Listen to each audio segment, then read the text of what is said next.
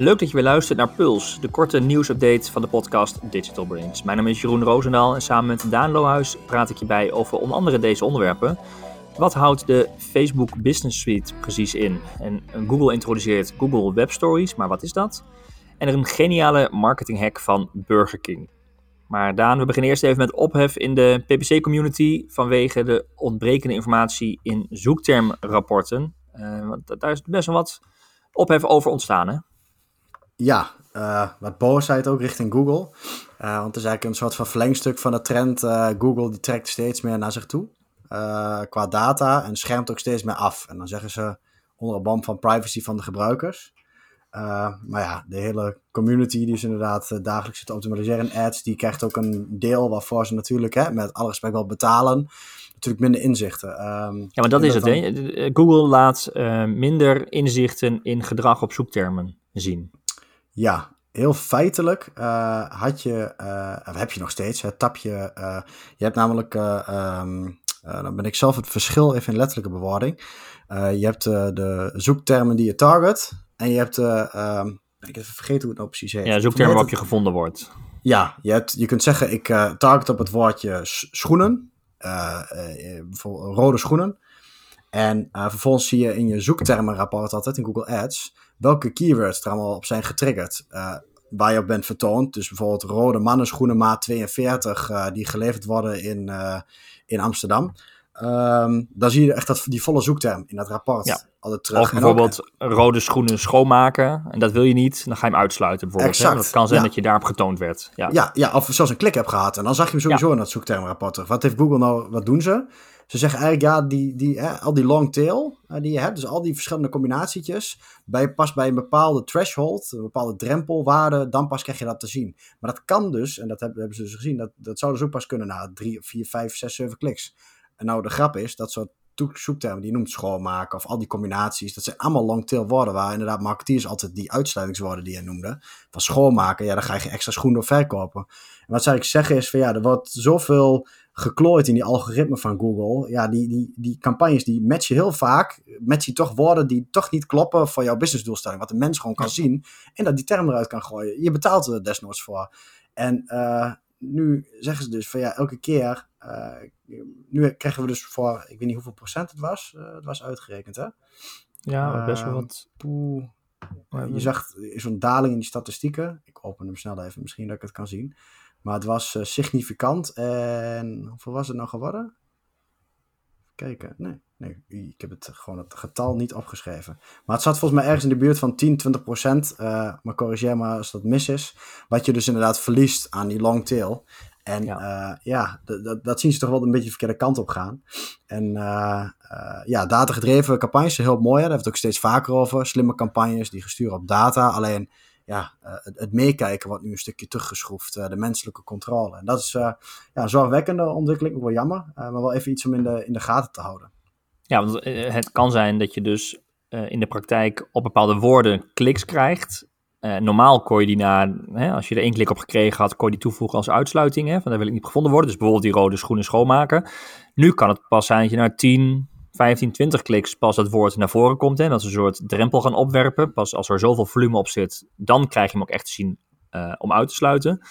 Um, uh, ja, en dan lekt er dus geld weg naar termen, uh, longtail, waar je niet op mee gematcht wil worden. Dat is natuurlijk ook, je zei het net al eventjes, het kost geld. Aan de andere kant, dit is natuurlijk ook een verdienmodel van Google, want hier gaan ze veel meer inkomsten genereren, uh, omdat je pas veel later die woorden in beeld krijgt en kunt uitsluiten. Ja, en ik geloof echt wel dat Google daar een positieve intentie over heeft. Die zegt van ja, hè, we gaan meer datagedreven werken, maar het valt wel in het verkeerde aarde dat ze zeggen, onder het man van privacy gaan we dat nu doen. En toevallig verdienen we er ook veel geld mee. Dat is veel vaker natuurlijk zo met Google. En, wel, en, uh... en, zegt Google ook, hè, jij gaat uit van het positieve, zegt Google dan misschien dan ook indirect, jongens, leuk dat jullie zelf bepalen wat jullie uit willen sluiten, maar ons algoritme kan het beter. Je sluit misschien als marketeer soms te snel of te veel uit. Um, laat eerst wat meer data er doorheen gaan om te bepalen of dat woord ook echt niet tot conversie leidt. Ja, en ik denk dat dat in 80% van de gevallen of 60% van de gevallen ook wel zo is. Dat Google daar gelijk heeft. Maar je hebt je natuurlijk met uh, ja, de beste van de beste search specialisten te maken die hierover schrijven. En die weten echt wel wat ze doen. En die zeggen van, hey Google, bemoei je er niet mee. We houden graag die controle. En ik denk dat je over de bank genomen ook wel kunt zeggen. Dus een beetje een negatieve en, en angst uh, gerelateerde takeaway, zeg maar. Maar ja, datagedreven campagnes worden steeds belangrijk. Want dit, we praten nu over de situatie als je al stuurt op data en goed op conversies. Maar als je nog een marketeer bent die relatief weinig uh, uh, met, of alleen maar stuurt op uh, conversie, enkele conversie, eens op klantwaarde of dat soort dingen. Ehm, ja, je, je moet gewoon steeds meer data beschikbaar stellen en signalen terug kunnen geven aan Google over wat was dat bezoek of wat was die klik waard. Mm -hmm. als je dat nu dus niet verder niet gaat doen en niks mee doet, dan, en dit, dat wordt geen 20% dat inzicht, maar dat wordt straks, gaat richting de 80 je kunt steeds minder met mensenwerk dus aan zo'n campagne werken. Het wordt steeds meer voeden van de algoritmes. Dus die trend brengt het ook weer een stapje dichterbij, zeg maar. Dat je ja, menselijke optimalisatie gewoon Google het zelfs een beetje onmogelijk maakt, inderdaad, in die zin. Ja, gewoon informatie bij je weghoudt, zodat je ook zelf geen keuze kunt maken. Nou, in ieder geval belangrijk om als marketeer, uh, en helemaal als je dus in de, in de ad zit, om daar rekening mee te houden. Um, en als je woorden mist of denkt, hé, hey, waarom is het in één keer veranderd? Dit is de reden. Google laat gewoon minder zien. Over Google gesproken, een van de partijen die natuurlijk uh, data verzamelen van ons en um, waar via alle dingen die we doen online ook veel data naar Amerika toe gaat. Um, daar was sprake van een soort privacy shield, hè, om, om, om daar veiliger mee om te gaan en data ook te houden, bijvoorbeeld binnen Europa, omdat je daar zeker weet dat je allemaal aan een bepaalde GDPR-standaard voldoet. Maar dat is uitgesteld, er is nog wat onzekerheid over. Ja, er was al, eerder, vroeger was dat zelfs nog Safe Harbor, heette dat. Je ziet ze soms in bepaalde privacy steeds nog terugkomen. Een gegeven is dat ook Privacy Shield geworden. En dat was de soort, ja, de, de, de papieren tijger, zeg maar, die dan uh, uh, Google en allerlei andere instellingen ervan uh, hield. Van als jij in Europa data weghaalt, dan moet je aan deze, deze, deze voorwaarden. En eigenlijk als jij zaken deed met de Amerikaanse partij en zij zeiden van ja, wij voldoen aan die privacy shield, dan kon je daar eigenlijk onder GDPR en AVG gewoon data mee uitwisselen. Nou heeft een of andere, even kijken, nou een of andere... Hof van Justitie van de Europese Unie. Ja, ja redelijk ja, hoog. Ja. Ja, ja, ja, ja. Een rechter. Ja, rechter, ja, een of andere rechter. Nee, die hebben eigenlijk gezegd van ja, is allemaal leuk, maar we gaan het ongeldig verklaren. Dus en de rest van de wereld keek en in één keer waren de regels van de een op de andere dag ongeldig verklaard. Dus eigenlijk juridisch niet geldig.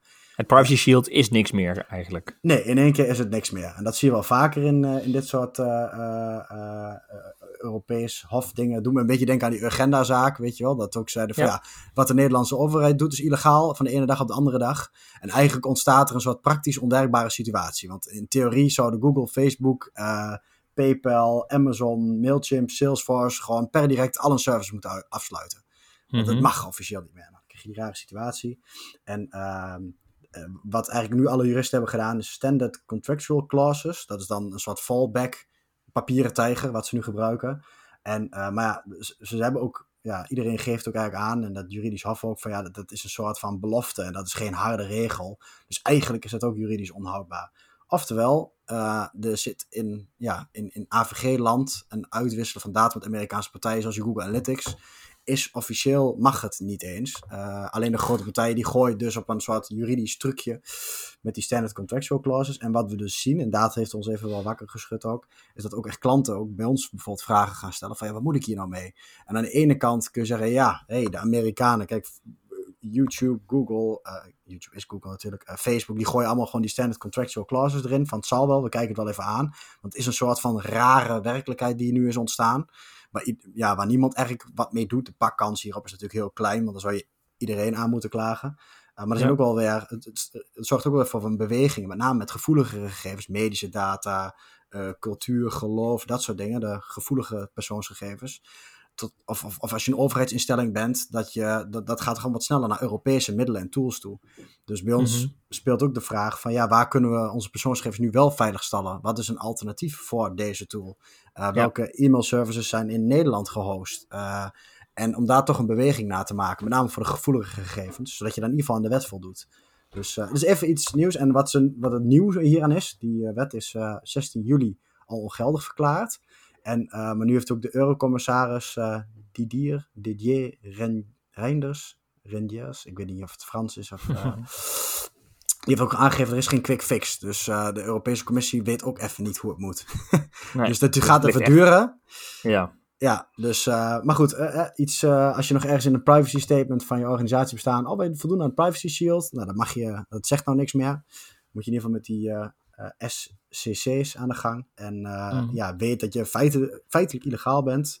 Uh, maar dat de grote partijen het ook doen. En, uh, maar dat je wel, nou, zeker als je met gevoelige persoonsdata werkt, dus even moet gaan kijken of er ook Europese of Nederlandse tools misschien zal zijn, die goede alternatieven zijn voor e-mailsystemen, CRM's, of dat ze lokale hosting aanbieden. Wat ook steeds meer gebeurt. Dus ja, is even wel een dingetje.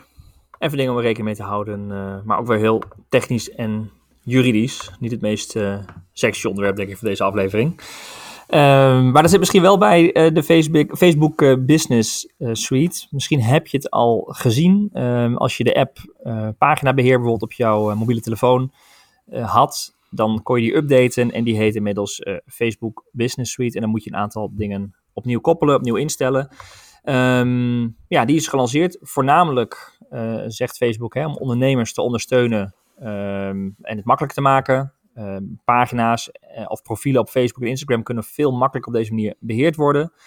Um, en wat denk ik een hele grote verbetering is, en ook echt wel, ja, persoonlijk vind ik het ook wel een heel uh, interessante eh, toevoeging, is dat je in die nieuwe interface tegelijkertijd een post op Facebook en Instagram kunt posten.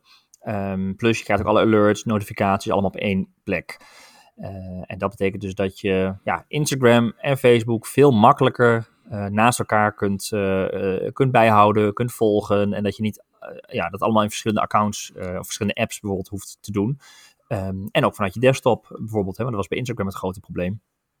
Um, ja, en, en zelfs als je een privé Instagram-account hebt, hè, want ik weet niet, Daan, hoe jij ermee zit, maar ik denk wel eens van nou, uh, soms wil ik ook wel een stukje content planning doen voor mijn eigen Instagram-account. Dus een, een, een post klaarzetten. Moet je en plannen. je telefoon pakken, ja moet ik mijn telefoon pakken. En je kunt gewoon niet plannen op Instagram. Je zet het eigenlijk nu er altijd in. En hiermee, als je om, je eigen persoonlijke account omzet, bijvoorbeeld naar een zakelijk account, dan kun je ook met uh, deze Business Suite gaan koppelen en gaan plannen. Kun je, desktop, plannen. Uh... Dan kun je op desktop je oh, dat is wel heel fijn, Instagram ja. post gaan doen. Dus dat is wel een, um, een behoorlijke verbetering. En daarmee wordt Instagram uh, ja, misschien ook enerzijds makkelijker voor bedrijven. Dus ook wellicht wat commerciëler en minder ja, organisch en minder kwaliteit. Maar als bedrijf is het wel een, um, een flinke efficiëntieslag als je dit gaat, gaat combineren. In ieder geval op één plek kunt beheren. Ja, ook al die meldingen en zo. Ik, ik, ik ben ook ja. wel eens paginabeheerder geweest van meerdere dingen tegelijkertijd. Je bent helemaal gek door, uh, zeker als je ook nog twee pagina's beheert. Ja. ja Over meerdere uh, apps heen. Dan vliegen de notificaties om de oren, totaal geen overzicht. Dit is echt nee, een goede... Nee, en wat, wat, naast uh, Instagram hè, is ook Messenger natuurlijk geïntegreerd. Ja. Dus je kunt ook heel snel het contact houden. Dus, ja, het ja. ziet er echt anders uit. Het is een mooie, mooie, mooie toevoeging, mooie ontwikkeling. Dus uh, de Facebook Business Suite, download de app. en ook volgens mij op desktop gaat die ook ontstaan. En ze hebben de verwachting dat die nog de komende maanden echt verder uitgerold gaan worden. Hè. Het is een, een, lange, een lange termijn investering, zoals we het noemen. om het echt voor business op alle niveaus uh, de ja, app te, te laten worden voor jouw social media. Althans, dus hij is al hij is beschikbaar, maar er komen meer features nog in die misschien ja. marketeers nu af en toe nog wat missen, maar daar zijn ze mee bezig. Ja, ze zeggen nu vooral, het is nu available voor uh, small businesses wereldwijd. Uh, maar ze willen ook heel snel naar de grote uh, bedrijven ook voor komend jaar gaan ja. uitrollen en gaan aansluiten daarop. Ja. Mooi. Ja, en een beetje in diezelfde lijn met social. Uh, nou, laten we even, even een ander onderwerp eerst doen. Laten we even Facebook blijven. Um, Facebook advertising. Jij weet het vast ook nog wel. Hè, die goede oude tijd dat je nog rekening moest houden met 20% uh, tekst. Maximaal 20% tekst in een Facebook visual, hè, als je een advertising campagne wilde opzetten. En dan ook nog een keer in, volgens de grid van Facebook, hè, dan moest je hokjes aanklikken. Ja, dat werd dan rood. Waar de tekst je, was. Ja. ja. en als het te veel was, werd het rood. En was je over die 20%, dan moest je tekst net iets gaan schuiven, zodat het binnen de lijntjes viel uh, van het grid van Facebook. Later werd het gelukkig al iets um, uh, softer en werd er gekeken van, nou, het is oké, okay, of het is low, medium, high. Hè, dus het werd iets meer, het grid werd losgelaten. Maar nu blijkt helemaal een beetje op de achtergrond, en niemand heeft het echt heel erg duidelijk gemerkt, maar blijkt die hele uh, regel verdwenen te zijn. Je mag gewoon advertenties draaien die vol staan met tekst. Uh, ja, de image rule is weg. Ja, John Loomer, ook wel zo'n uh, bekende Facebook-marketeer, een beetje van thought leader, die heeft inderdaad nu officieel doodverklaard. Kun je ja. wel zeggen. Die zegt, ja, ik kom het eigenlijk nergens meer meer tegen. En, uh, Hij heeft het ook geprobeerd hè, met een campagne met alleen maar tekst. En dat uh, ging er gewoon doorheen.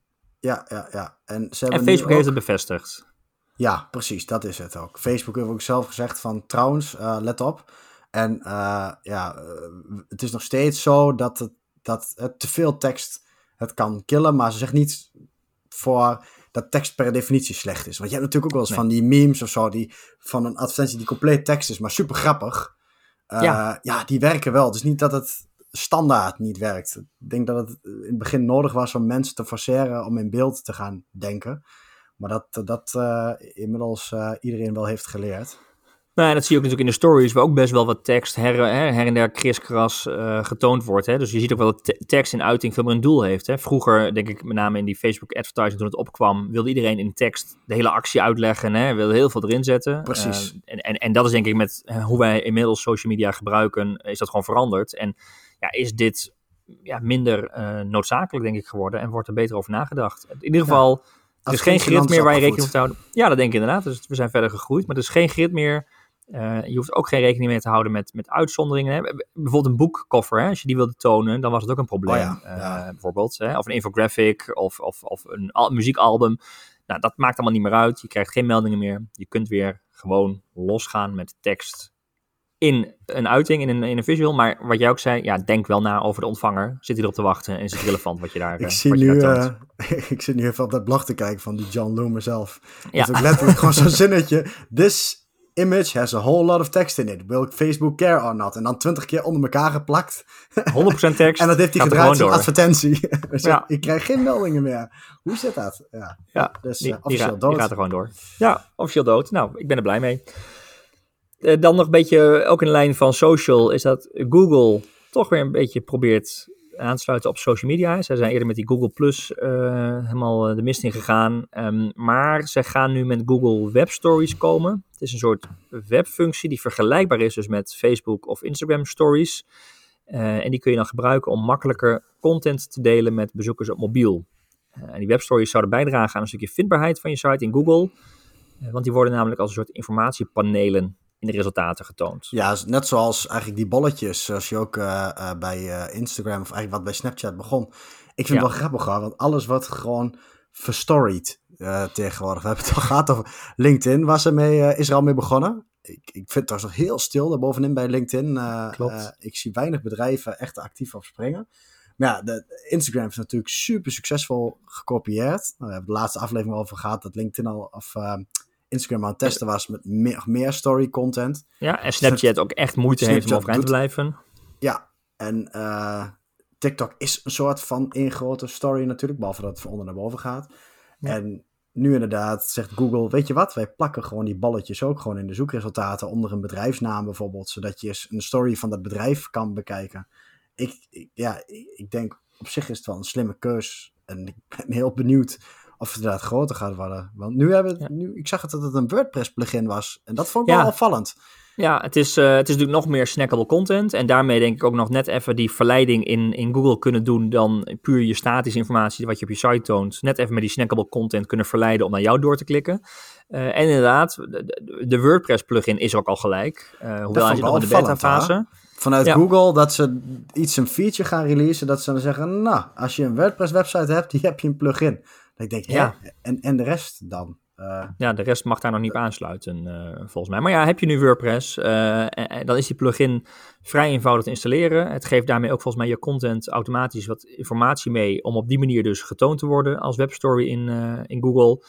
Ehm, en ja, ga het proberen, want je bent nu nog, ja, loop je voorop wat dat betreft. En, en nou ja, wat jij ook zegt, kijk, LinkedIn kopieert het en dan lijkt het minder succesvol te zijn. Dat kan bij Google ook gebeuren. Alleen niet geschoten is natuurlijk nooit raak. Dus ze proberen het in ieder geval. En eh, eh, ja, ga het zelf ook mee experimenteren. Ja. Geloof jij erin? ja, wel in een bepaalde vorm. Want ik snap wel dat je niet direct op de eh, websites eerst even kijken van wat is dit voor- bij bepaalde verticals, denk ik. Als bij Hm. bepaalde bedrijfs, eh, als je in een restaurant zit bijvoorbeeld, als een restaurant Ja. gewoon eh, snel zo'n story kan laten zien. Van, hé, hey, wat staat er op, zet het menu erin, een paar tafeltjes laten zien. En dat werkt misschien beter dan de hele website van het restaurant. Om gewoon een keuze te maken of zo. Hm. Of, Hm. eh, ja, in bepaalde Het geeft meer sfeer, emotie erbij. Ja, veel visuele. Meestal, en ik denk dat Google wel met een format kan komen. Uh, of stories misschien wel een beter format zijn dan een website doorbladeren. Iedereen weet hoe het werkt. Uh, ja. Je gaat er snel doorheen. Dus ik zie wel in een bepaalde vorm uh, dat dat ja, wat kan zijn. Kan bijdragen aan die snelle oriëntatie of zo. Dat je ja. gewoon, ja. ja. Nou ja, wie weet inderdaad. Um, ook dat blijven we uiteraard volgen. En dan tot slot, Daan, jij kwam een hele leuke actie van Burger King tegen. Die we toch even hier moesten bespreken. Ja, Marijn, onze vriend van de show, die deelde het in, in een Slack-kanaal. En ik heb ook uh, ja, gelachen en ik vond het ook echt geniaal. Wat is er gebeurd? ken jij Stevenage Football Club? nee. Sowieso nee, geen voetbalfan. Sowieso geen voetbalfan, maar dit zegt me helemaal niks. Ik denk ook, als ik aan een van de grootste voetbalfan vrienden vraag... Ken je Stevenage? Inmiddels wel. Maar waarschijnlijk een jaar geleden had hij geen idee. wat is dat dan? Nou ja, die... Um, dat was een kelderklasse, uh, wel professioneel voetbal, maar de kelderklasse van de Engelse competitie, vierde divisie of zo, daar kun je je wat bij voorstellen. En uh, Burger King is die gaan sponsoren, namelijk uh, twee jaar geleden hebben ze een sponsorcontract aangeboden, aan die jongens. En dan staan ze dus met Burger King op het shirt in de kelderklasse van de Engelse league. Zou je denken, waarom heb, doen heb je niks aan? Ja, heb je niks hebben aan. niks aan, maar dat hebben ze met een reden gedaan. Toen dachten ze, aha, want dan zitten wij in FIFA, in dat spel. Want dat team, Stevenage, die echt twintigste is in die vierde divisie, die zit ook in, het, in de game. Dus in de, in de online, in, in FIFA-game, daar kunnen ze meedraaien in de competitie. Maar er is toch ja. niemand die dat team wil zijn dan? Nou, dat hebben ze dus van gemaakt. Maar toen dachten ze, we zitten in ieder geval in het spel met ons logo. En in dat ja. spel zit ook Lionel Messi. En andere topspelers. En als we nou de gamers online een challenge van maken, de Stevenage Challenge. Van als jij het, uh, het team naar het hoogste niveau krijgt en je deelt een doelpunt van dat team ook, een gave actie, dan krijg je gewoon een kortingsbon of verder krijg je beloningen toegestuurd, zeg maar.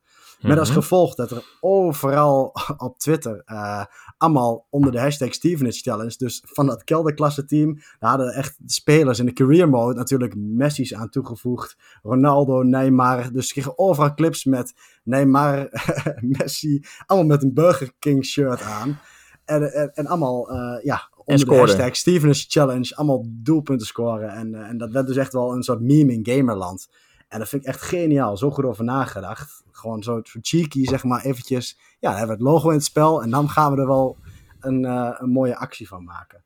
En dat had natuurlijk, ja, het was natuurlijk ook sympathiek uh, om zo'n kelderklasse team. Natuurlijk, dat vinden gamers mooi, om daar dan een sterrenteam van te maken. En ja, beetje het Calimero-effect. Ja. Precies, echt die underdog. Uh, dat gaan supporten namens de Burger King. Dus dat hebben ze ja, echt, echt uh, gaaf gedaan. Uh, dus je kunt ook op YouTube ja. terugvinden hoor.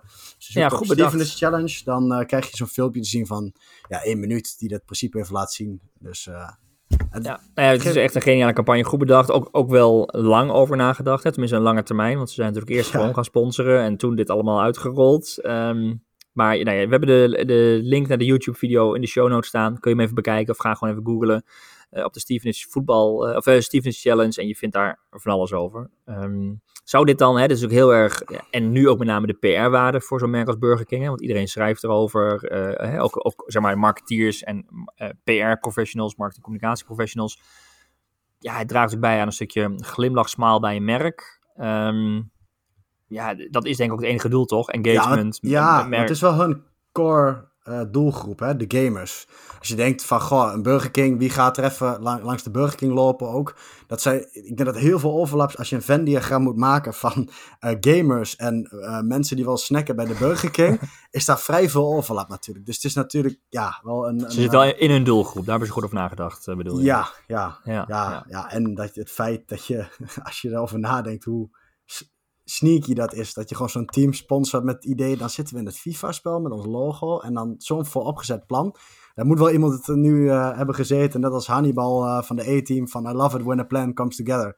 Als je dat op een gegeven moment allemaal op internet ziet gaan. Ja, met, uh, lang gaaf. voorbereiding en mooi uit tot de box gedacht. ja. Inspiratie en, en voor, je, voor andere ja, en je, en je weet inderdaad niet hoe het uit zal pakken. Dus het is ook een stukje gokken, proberen. Ja. En, en, ergens ben je gewoon heel erg, als marketeer en dit, volgens mij is het zelfs door een extern bureau uh, ook bedacht. Um, maar ben je wel heel erg ja, goed op de hoogte hoe de doelgroep, eh, waar de doelgroep zit, hoe je die kunt activeren, ja. waar ze gevoelig voor zijn. Want hier komen natuurlijk heel veel mechanismen samen. Ja, um, ja is leuk, uh, leuk, leuke campagne. En volgens mij met relatief weinig budget. Ja. Uh, ik zei net al, ben je dus benieuwd naar die video? Nou, kijk dan vooral even in onze show notes. Um, alle onderwerpen die we in deze aflevering besproken hebben. Die, daar vind je meer informatie en links naar artikelen in de show notes op advice.nl slash podcast. Tips, vragen en reacties of ideeën zijn altijd welkom via podcast.advice.nl. En wil je geen nieuwe aflevering missen of eerdere afleveringen terugluisteren? Nou, abonneer dan op onze podcast in je favoriete podcast app. of bijvoorbeeld via Spotify en YouTube. Dan krijg je nieuwe afleveringen automatisch in jouw feed. Ehm, en heel graag, eh, en voor nu dan bedankt voor het luisteren en heel graag tot de volgende aflevering.